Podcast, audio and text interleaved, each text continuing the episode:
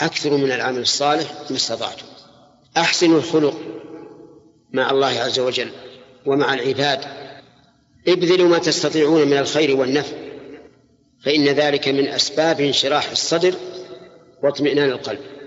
وفكر في نفسك. ماذا عملت في هذا اليوم؟ إن وجدت نفسك عملت خيرا فاحمد الله. فإنه بتوفيق الله ولولا توفيق الله لك ما عملت. وإن عملت سوى ذلك فتدارك تدارك بالتوبة فإن التوبة تهدم ما قبل.